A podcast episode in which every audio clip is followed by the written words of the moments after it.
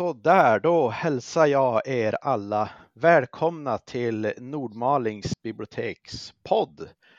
Och idag så ska vi prata om hundar och vi har en gäst med oss som ska få presentera sig själv. Mm. Hallå allihopa! Eh, jag heter Linda Olofsson, eh, sitter med i Nordmalings brukshundsklubbs styrelse, eh, är instruktör på Brukshundsklubben och ansvarig för bruks och lydnadssektionen som anordnar tävlingar och också lydnadsdomare till och med. Eh, så att jag eh, har haft hund kan man säga i hela mitt liv och gillar att träna och kanske framför allt hjälpa andra hundägare att träna sina hundar. Anledningen att vi har gjort det här samarbetet är ju att vi på biblioteket försökt fixa till lite grann i våra hyllor. Vi kände att vi ville uppdatera vårt bestånd lite grann. Och jag är ju lite lat så jag lyckas få Linda att hjälpa mig. Eh, hur, hur kändes det Linda att göra lite biblioteksarbete? Jo, men det är ju jättekul. Alltså, det finns ju så otroligt mycket hundböcker ute på marknaden eh, och de flesta är ju jättebra så att eh, det var ju eh, verkligen skojigt att få grotta ner sig i det allra senaste som har kommit ut eh, och titta på vad, vad är bra och vad kan vara lämpligt för alla. Helt det, känns, enkelt. det känns jättekul för nu har vi nog en riktigt, nu känns det som vi får en riktigt bra hylla för hundägarna så det får ni vara och titta på. Eh, man önskar att eh, vi hade fler sådana samarbeten så finns det någon astronomiförening där ute som känns manande så vi har lite problem med kvantfysiken där. Linda, jag har ju kikat lite grann på den senaste hundforskningen och jag ska försöka länka nu i eh, podden här så man kan följa den här avhandlingen som jag tycker är väldigt intressant. Men man har alltså kollat på kärlek mellan hundar och deras ägare för det första kan det vara ganska svårt att, studera kärlek vetenskapligt. Men det har man då försökt. Och då har man tittat på hormonell respons och då är det ett hormon som heter oxytocin. Och det, det, här har man då mäta bland mammor och barn och även eh, romantiska kärleken hos människor då och sett att det är det här hormonet då som, som gör att vi blir kära.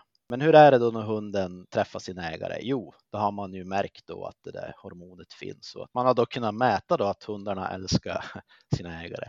Kanske inte kom som en jätteöverraskning för oss som har hundar egentligen, men vargar har ju inte det här och den här undersökningen då har också tittat på vilka gener som är lite inblandade i det här och det finns något som heter Williams syndrom som är ett genetiskt syndrom. De som har det här syndromet de är extremt sociala och vänliga och det är som samma gener hos människorna som är aktiva hos hundarna. Poängen med hela den här avhandlingen då, det är ju då att hundar i princip är vargar med Williams syndrom.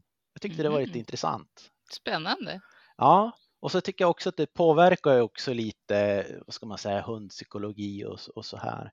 Eh, jag ser ju lite grann på, på Cesar och, och det här med att man ska vara pack leader och, och, hela den här biten.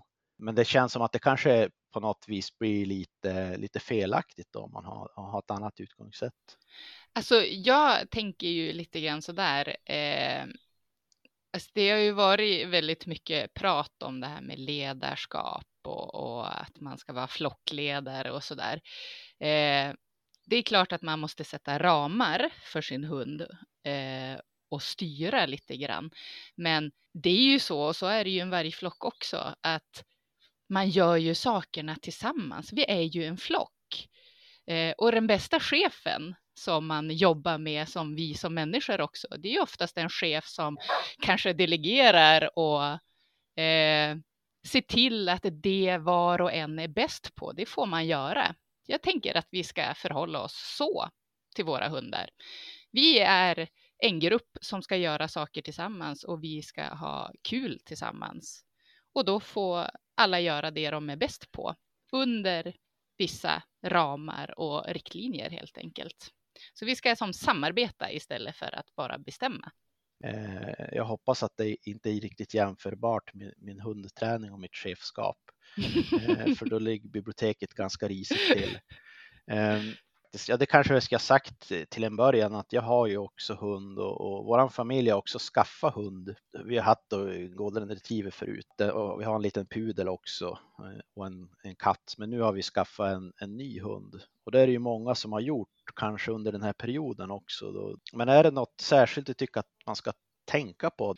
Mm. Alltså det finns ju så himla många olika metoder på något sätt, men jag tror det man kanske har igen eh, om man skaffar en ny hund, det är att man sätter sig tillsammans. Oftast kanske man inte är själv, utan man är en familj och då kanske man är två vuxna och två barn. Att man sätter sig ner allihopa och så funderar man tillsammans. Ja, men vad ska vi ha för regler för den här hunden? Hur tänker vi att vi ska träna? Hur ska man göra när man är ute på promenad? Vad är tillåtet för hunden att göra och inte göra? För om man har pratat ihop sig om det innan, då blir det ju inte lika krångligt när hunden kommer. Eh, för annars så kan det ju vara så att men med en person i familjen, då går hunden jättefint i koppel på promenaden, för den har varit eh, ja, men, bestämt hur det ska vara för han. Eh, och se till att hålla fast vid det och så har hunden vant sig. Men de tre andra personerna, eh, där har hunden fått göra precis som man vill på promenaden och då, då väljer ju hunden det som är enklast på något sätt. De är ju inte osmarta på det sättet. De utnyttjar de möjligheterna som de får. Så just det där att är man flera stycken i familjen så är det jättebra att man tillsammans fundera på hur man ska göra, för då blir det tydligare för hunden också. Så det är ett sånt där tips och det kan ju gälla allting från hur man ska gå i koppel, eh, vad man ska ha för regler när man går ut genom ytterdörren, hur ska man göra när man ger hunden mat eller hur ska den hoppa ut ur bilen? Det man kan säga just från början, det är kanske att man man fokuserar på några saker i taget. Speciellt om man kanske har haft en hund ett tag och tänker att okej, okay, nu ska vi bli bättre. Nu ska vi skärpa oss här och så ska vi bli bättre på att få den att inte dra i kopplet. Ja, men då kanske man inte ska träna på så mycket annat samtidigt. Alltså, jag tror att jag ska tvinga hela min familj att lyssna på det här poddavsnittet.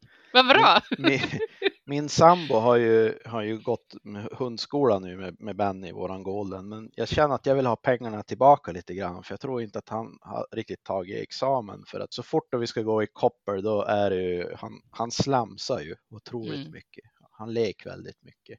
Men då eh, försök eh, att du styr hans energi i sådana fall till någonting som du vill göra tillsammans med honom. Mm. Det är ju mycket bättre, för om inte du engagerar honom i någonting, då har han ju ändå, han vill ju få utlopp för den där energin som han har.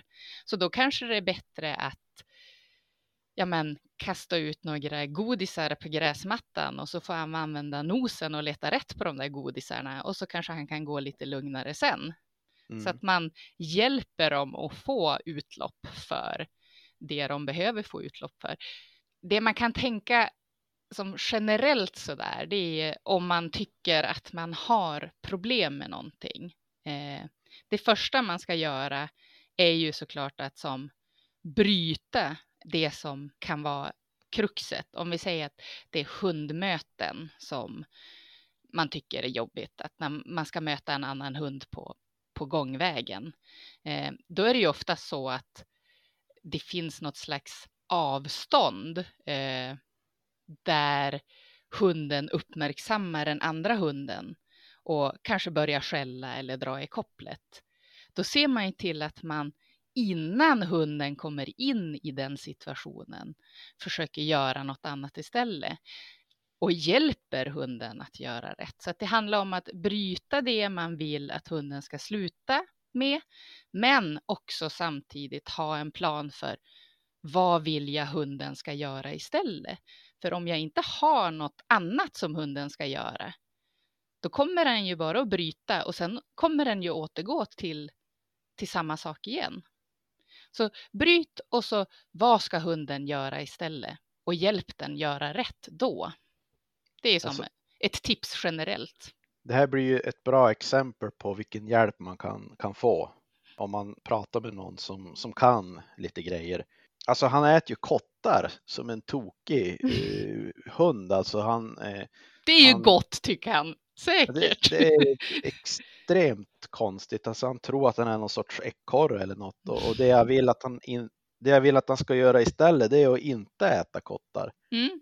Men eh, jag menar, för nu, det var en retriever det här, den Ja. nya hunden också.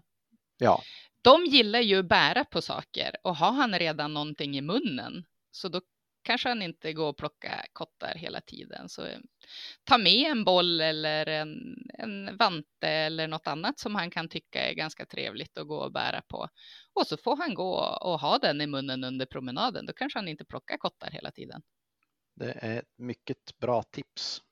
Jag ska eh, genast leta en vante efter det här samtalet är över. Mm.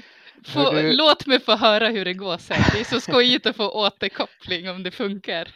Ibland är det svårt att veta hur mycket de klarar av i en viss ålder. Jag funderar på att springa med han till exempel, men han är bara nio månader nu tror jag. Mm. Eh, Så det är lite svårt att veta när man ska börja med vissa saker. Så. Det är, så, så där är det ju alltid och jag menar, eh, jag brukar tänka så här generellt när det gäller just motion och kanske springa eller cykla. Eh, jag låter alltid mina hundar växa riktigt klart. Jag är lite nojig på det här med höfter och armbågar och leder överhuvudtaget. Mm. Eh, och man säger ju att en, en speciellt en av de större raserna, de har inte växt klart riktigt förrän ja, men kring ett års ålder. Jag cyklar aldrig med mina hundar förrän de har fyllt ett år och helst att de är röntgade och att man vet att de är fri på höfter och så där. Eh, springa är ju liten annan sak, för där, jag menar, man kan ju välja att fara och springa, men att ha hunden lös och då kan de ju som styra lite grann själv. Eh, sen är det ju så, åtminstone är jag så när jag springer. Jag är ju inte så jädra snabb. jag rör ju på mig och det går något fortare när jag kan- går. Men Man kanske inte ska jämföra sig själv med hunden för de har fyra ben. De, Ja, precis. Alltså, jag tror att man får pinna på ganska bra eh, för att det ska bli för fort. Sen är det som, är de unga? Ja, men spring inte så långt och se till att ha dem lös. Ser man att det funkar när de är lös, ja, men då kanske man kan kan öka avståndet lite grann eller prova ha dem i midjebälte eller koppel beroende på hur man vill ha det när man springer med dem. Då. Så att det, ja, Jag tror att eh, då vi har försökt ta han lös, då äter han ju bara kottar. Men det kan ju Så- vara så att han kan ha vanten i munnen och springa ändå. Ja, vi funderar på munkorg, men vi får väl se. Ja, Nej, men det, det ska nog säkert. eh, Det ska nog säkert ordna sig. Men eh, man blir lite nyfiken. Alltså, vad, vad är det för frågor som du får som mest? Eller vad, nu använder jag problem, men det behöver ju inte alltid vara problem. Men vad är det mest hundägarna vill ha hjälp med? men det, det är ju väldigt, väldigt olika. Många vill ju kanske också ha hjälp med men vad ska jag göra med min hund? Vad ska jag göra för aktivering? Och där är ju Brukshundsklubben gör ju jättemycket och den är ju öppen för alla hundägare och alla hundar också. Det finns ju så himla många olika typer av, av hundsporter idag. Jag menar, agility har ju varit på tapeten under ett, ett bra tag nu, men det är ju den här hinderbanan med hopp och slalom och tunnlar och balanshinder som hundarna ska ta på tid egentligen då om man tävlar. Men det är ju en jättebra aktivering även om man inte är intresserad av att tävla. Att hunden får lite bättre kroppskontroll, måste som kunna balansera, vara så pass modig att man kan krypa igenom de här tunnlarna som kan vara ganska långa och kanske till och med böjda så att man inte ser utgången. Eh, och det, det hjälper ju hela tiden på att bygga på ett bra samarbete mellan förare och hunden. För det är ju hundföraren som ska som peka ut eller säga vilket hinder som hunden ska ta. Sen finns det ju rallylydnad, är ju poppis nu för tiden. Det är ju så här, då, man kanske har sett det, det ser lite konstigt ut när man tränar det, för det är ju skyltar som man ställer upp ganska tätt. Ibland då ser det ut som att det är en skog av metallskyltar som står på en gräsplan eller en grusplan. Eh, och man tänker, men hur ska man veta vad man ska göra och inte göra på det här? Men då är det ju som att man ska gå en bana och göra det som står på skyltarna. Och det kan ju vara allt ifrån att hunden ska sitta till att den ska ligga, till att man ska kunna lämna den, man ska kunna kalla in, till och med att man ska hoppa över hinder eller göra konster som att snurra på olika sätt. Så att rallylydnaden, det är som en, en liten skojigare typ av lydnad kan man säga. Den, den ursprungliga lydnadslydnaden eller brukslydnaden, den är ju som mer strikt. Där får man inte ha så mycket hjälper annat än ett ordkommando till hunden. Eh, men i rallylydnad får man prata med hunden hur mycket som helst, hjälpa den med kroppsspråket. Det enda man inte får göra är att ta i hunden. Okej. Okay. Så att det är ju som en liten, en liten skojigare lydnadsträning. Nosework har ju också blivit jättepoppis på slutet. Det är ju alltså att man ska, hunden ska söka efter eh, specifika dofter i olika typer av miljöer. Och det är ju också ett, ett väldigt enkelt sätt att aktivera både dig som hundförare och som hunden. Eh, jag gillar ju just det där med att hunden får använda näsan, så det som ligger mig jättevarmt om, om hjärtat, det är ju spår, alltså att, att vara ute i skogen eller på en åker med hunden och den får gå personspår. Det, det är ju som jätte, jätteskojigt och man kan ju utveckla det i det oändliga. Så det gäller bara att ha en bra fantasi så kan man nästan göra det hur krångligt som helst för hunden. Och där är det ju verkligen hunden som kan eh, spåra. Även om, om jag själv har gått spåret i grunden så har spåret legat i två timmar så kan ju vindförutsättningarna ha gjort att det har flyttat sig lite grann. Så det gäller att lita på hunden och det är verkligen den som är, är chefen i spårarbetet. Men vad, vad kan man använda för saker de får spåra? Är det spåra de ägaren eller? Mm. Det är, eh, I personspåren så är det ju som en människa som går och sen kan man ju träna dem på. Vissa tycker att ja, men det är själva spårarbetet som är det skojiga och då går man som bara en slinga och så ska hunden följa efter. När man tävlar eller använder hunden som eh, i, i tjänst så är det ju ofta så att man lägger saker i spåret som hunden då ska eh, antingen visa för föraren, markera på något sätt eller att den ska helt enkelt plocka upp och komma tillbaks med. Och det kan ju vara allting från små träpinnar, eh, spårrapporter till vantar, till isskrapor, till patronhylsor om man är ute med hemvärnet eller polisen använder ju spår mycket eh, när de det har varit ett, ett Eh, ett rån till exempel och förövaren har försvunnit från platsen eh, till fots. Då använder man ju polishundarna och försöker spåra igen förövaren och det kan ju vara så att den här som, som springer från platsen då tappar någonting på vägen som man kan använda och identifiera personen med sedan. Så att allting som ligger i spåret ska hunden då som visa upp för den som är förare. Vad häftigt. Mm, det är jättekul vårt kanske största problem är ju att, eh, att Benny äter upp skogen. Men det är ju kanske inte heller det värsta problemet hundmöten till exempel. Får man hjälp eh, av er i sådana tillfällen också? Absolut. Det, Brukshundsklubben, nu har det ju varit ett konstigt år eh, med anledning av corona och så där, så det har ju inte varit jättemycket verksamhet eh, under det senaste året. Nu ser vi väl en ljusning eh, och jag menar i och med det att eh, restriktionerna släppte här i början av juni så eh, har man ju även släppt på att man kan få anordna tävlingar till exempel. Eh, det kommer nog så småningom bli så att vi kommer igång med våra eh, stugjourer brukar vi ha ute på Brukshundsklubbens eh, lokal i Olofsfors. Vi är ju där om man, om man kör genom Olofsfors och så tittar man förbi åkrarna där vid Café Anno.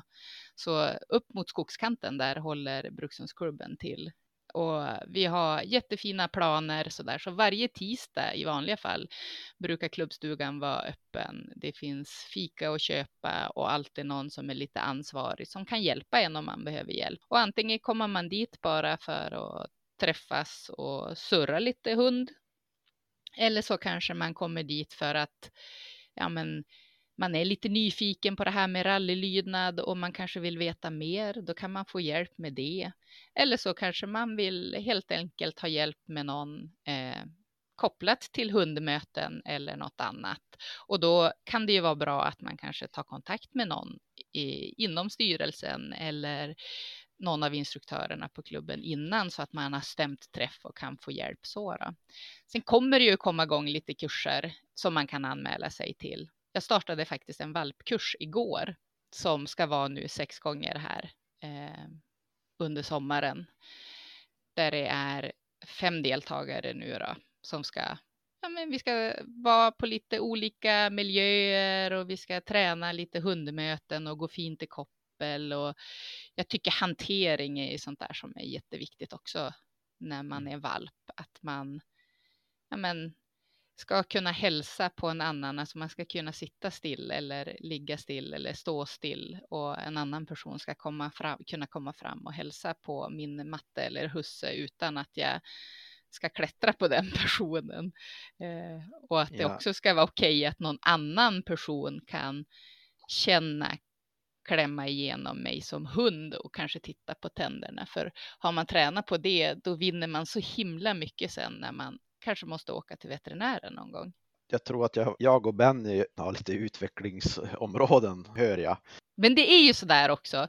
Eh, jag brukar säga det här med allmän lydnad, alltså den grundlydnad som man har på sin egen hund. Det finns ungefär lika många definitioner på det som det finns hundägare. För tycker jag inte att det är ett problem själv, då är det ju inget problem. Då är det ju helt okej. Okay. Mm. Så det ska man ju som tänka på också. Men det kan vara bra att fundera på hur skulle jag vilja att det skulle vara? Är det precis så här som det är eller skulle jag vilja förändra det på något sätt? Och vill man förändra någonting så ska man tänka på att ja, men då kanske man väljer en sak att förändra i taget så att man inte tänker att Åh, nu ska vi göra en jättestor förändring här och så orkar varken du eller hunden med alla träningar. För det är ju så där att vi har en tendens ibland att vara lite överambitiösa och vilja mycket. Men en del i hundägaret, det är ju ändå att man måste vara ganska konsekvent. Och det är ju skitsvårt. Ja. Eller vad säger du?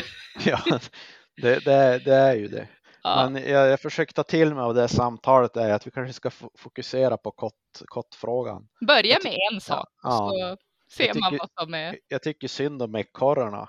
De får ju typ inget, inget käk. Mm. Han, han dammsug som hela skogen. Var Men, glad att det är kottar i alla fall. Det är liksom inget som är jättefarligt så. Är... Nej, eh, det, det, det ska man vara glad för. Mm.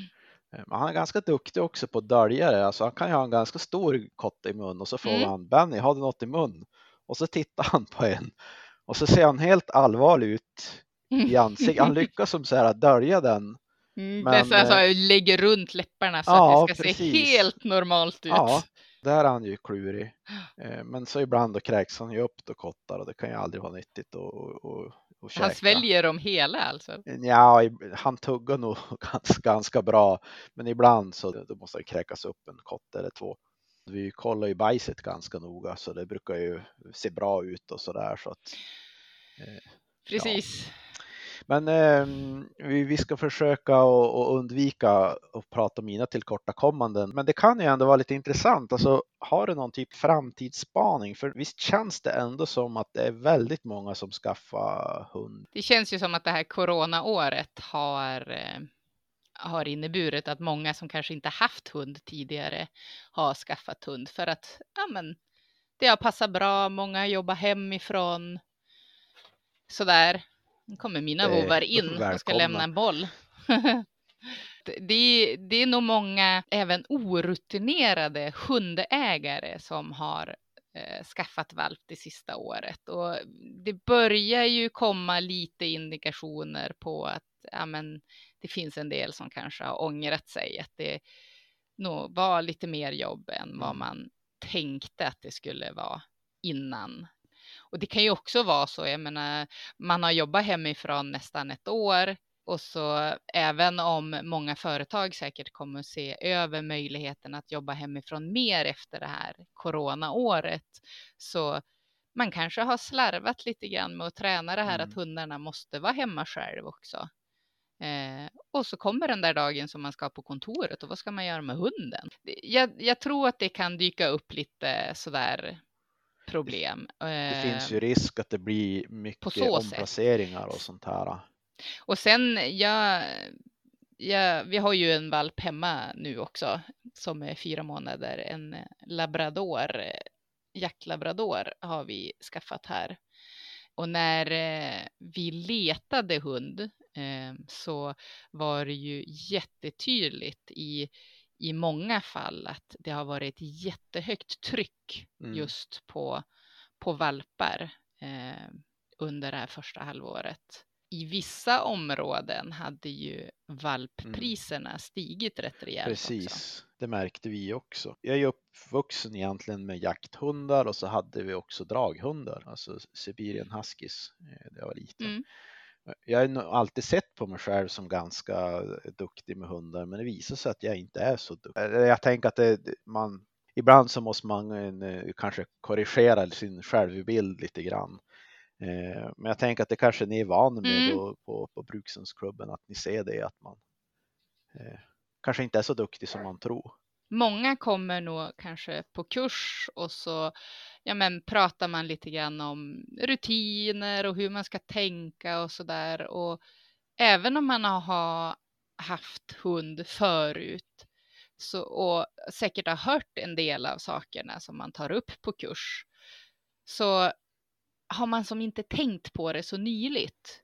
Utan det blir så här, ja ah, just det, att det kan vara ganska bra att kanske ha en rutin för hur man går ut genom dörren. Att man inte bara öppnar dörren och hunden typ kastas ut och så sitter en katt på bron.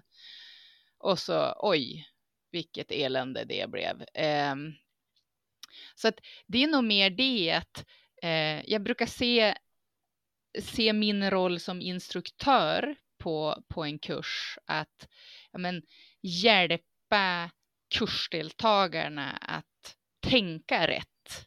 Att som fundera på hur vill jag ha det?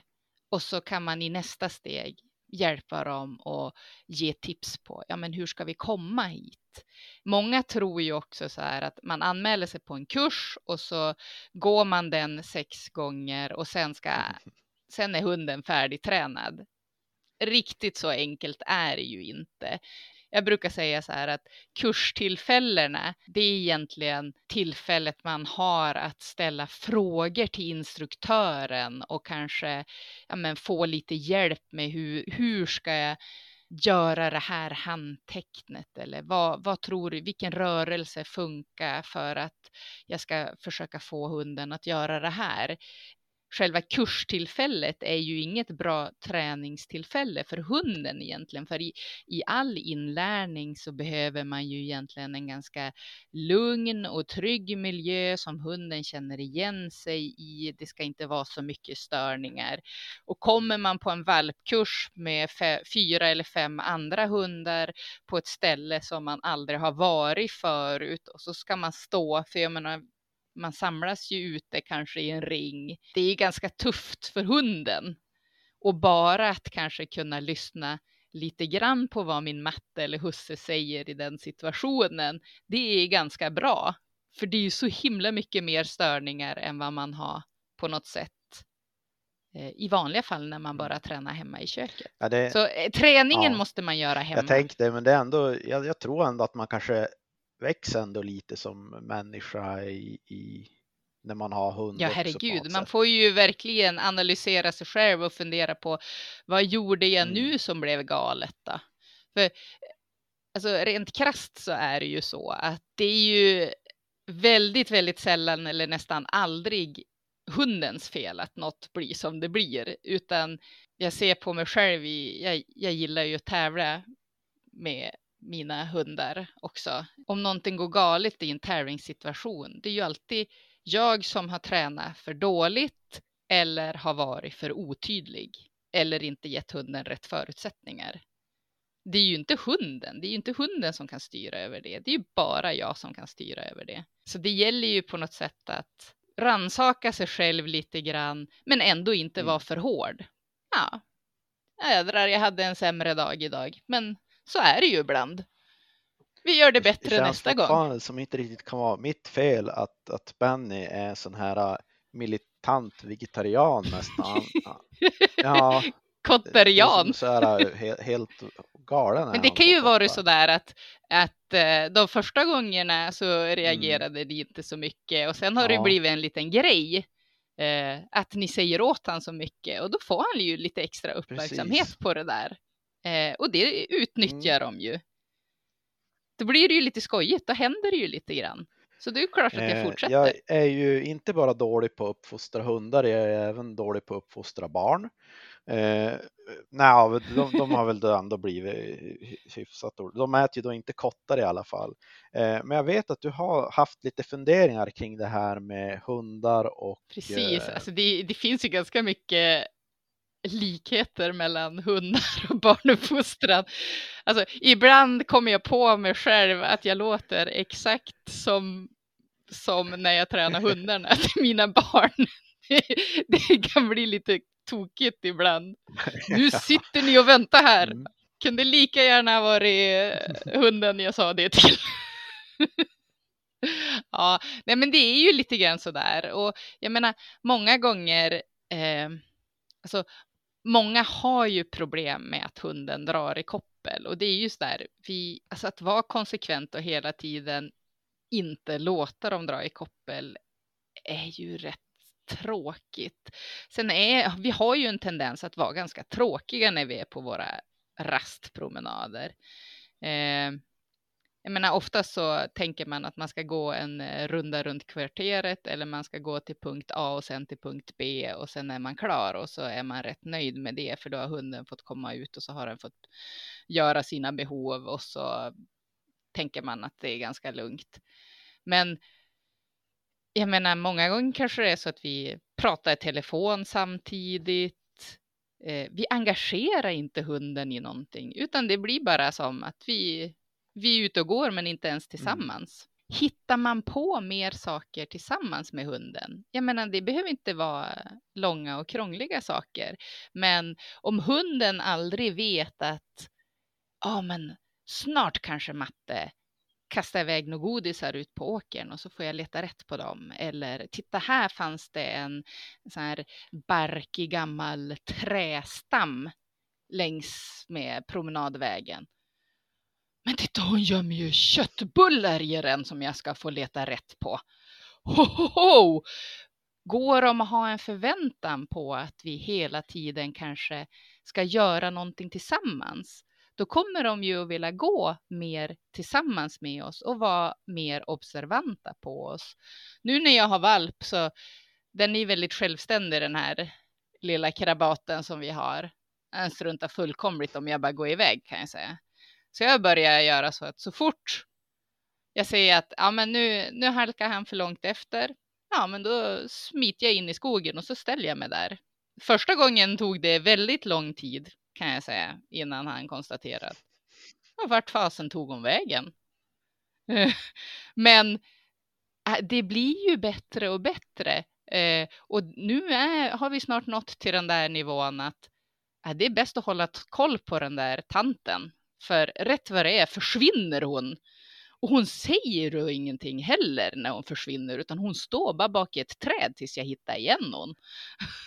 Så det är sådana små saker som man kan göra. Det funkar ju inte att göra en sån grej om man bor mitt i samhället och rastar dem på promenadvägarna. Men är man ute i skogen så, men hunden ska på något sätt vara observant på dig och du ska vara observant på hunden. Och så hjälps ni åt att mm. göra promenaden.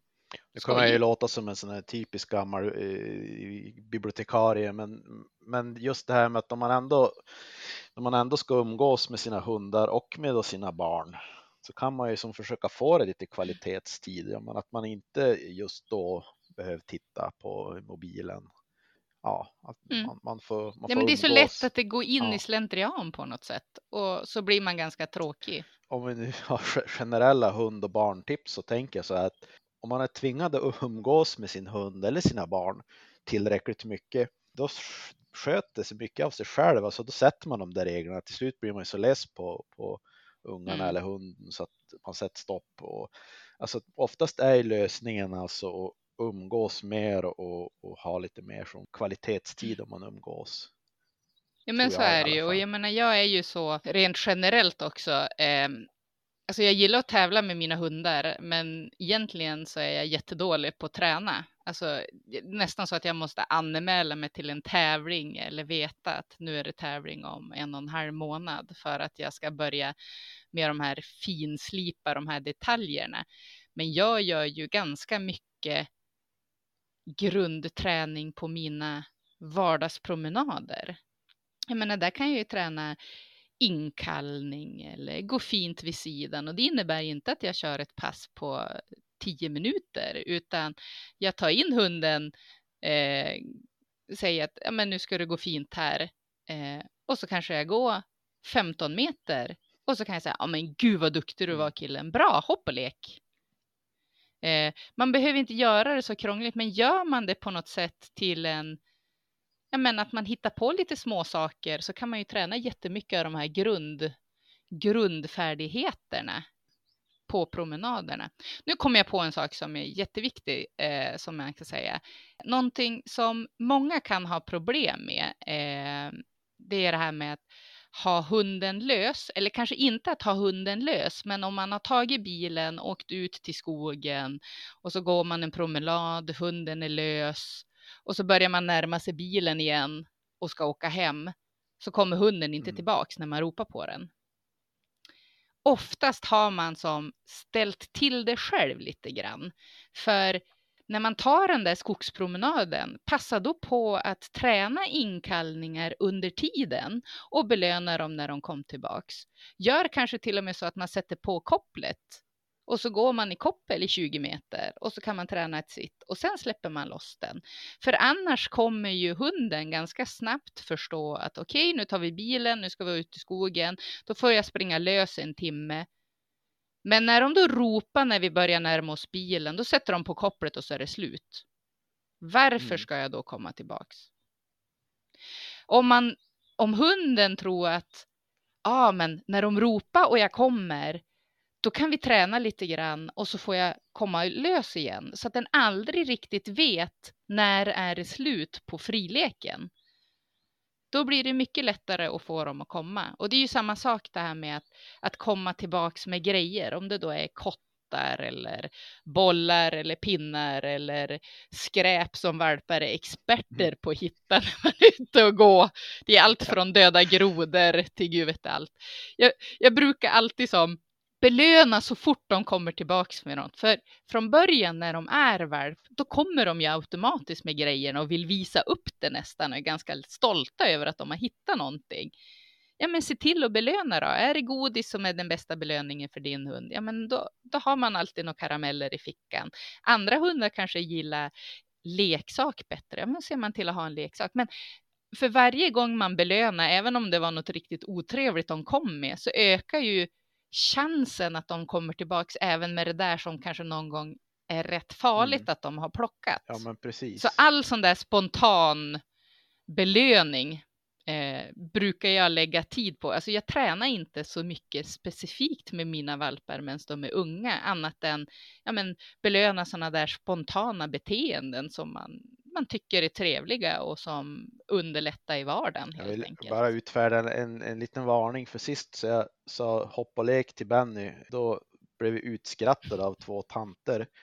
Så det kan ju vara socialt stigmatiserande det där. eh, Men jag, jag, jag skojar lite grann. Han klarar av att hålla sig, skärpa sig en, en tid, men sen då måste han ju få slamsa lite grann och, och Mm. leva loppan. Och det där är ju på något sätt en, en träningssak också. Jag menar från början när man tränar någonting så det kanske handlar om att hunden ska hålla Mm. fokus i fem sekunder och så belönar man.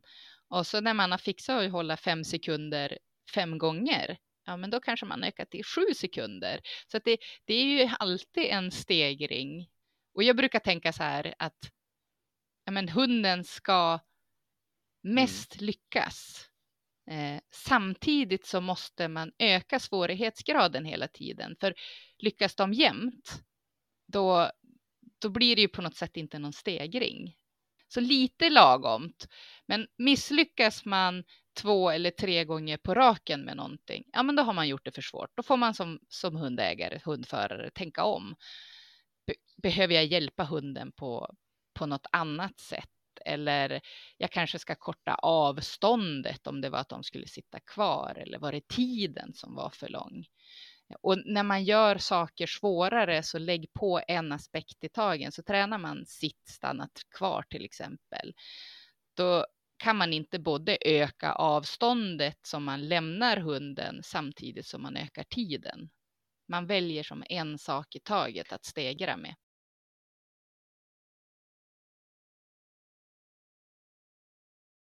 Nu, eh, jag ska förs försöka få ihop ett litet avslut här, för nu har vi pratat om jättemycket mm. allmänna tips och, och, vi har tipsat. Jag tänker att det är bra att vi är tydliga med att vi vill gärna tipsa om Brukshundsklubben i, i Nordmaling. Ja, alla är välkomna till Brukshundsklubben. Det är som en hundklubb för alla hundägare och alla hundar, så det är bara att söka kontakt med oss och så se till att komma på de här stugöppet-kvällarna som förhoppningsvis kan komma igång snart.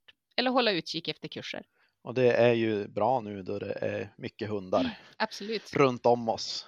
Och eh, eftersom det här ändå är en bibliotekspodd så tänker jag det här att vi, det vi, då vi pratar på, på biblioteket så pratar vi om omvärldsbevakning och ett, ett litet bibliotek har ju lika stort omvak, omvärldsbevakningsområde som ett stort bibliotek. Så att det är ju faktiskt jättekul om man kan göra de här eh, samarbetena. För vi vill ju få det absolut bästa utbudet som vi bara kan. Och vi kan ju inte vara så e-, experter på precis allting. Eh, och ni har ju hört nu hur mina resultat har varit med hunden så då känns det ju tryggt att vi har fått lite experthjälp då det gäller utbudet på hundböcker. Det var ett jätteskojigt initiativ tycker jag. Bra jobbat! ja. ja, det var jättekul. Så då ska jag säga ett stort tack till Linda och alla som lyssnar och så hörs vi någon gång när nästa avsnitt kommer. Tack och hej! Hej hej!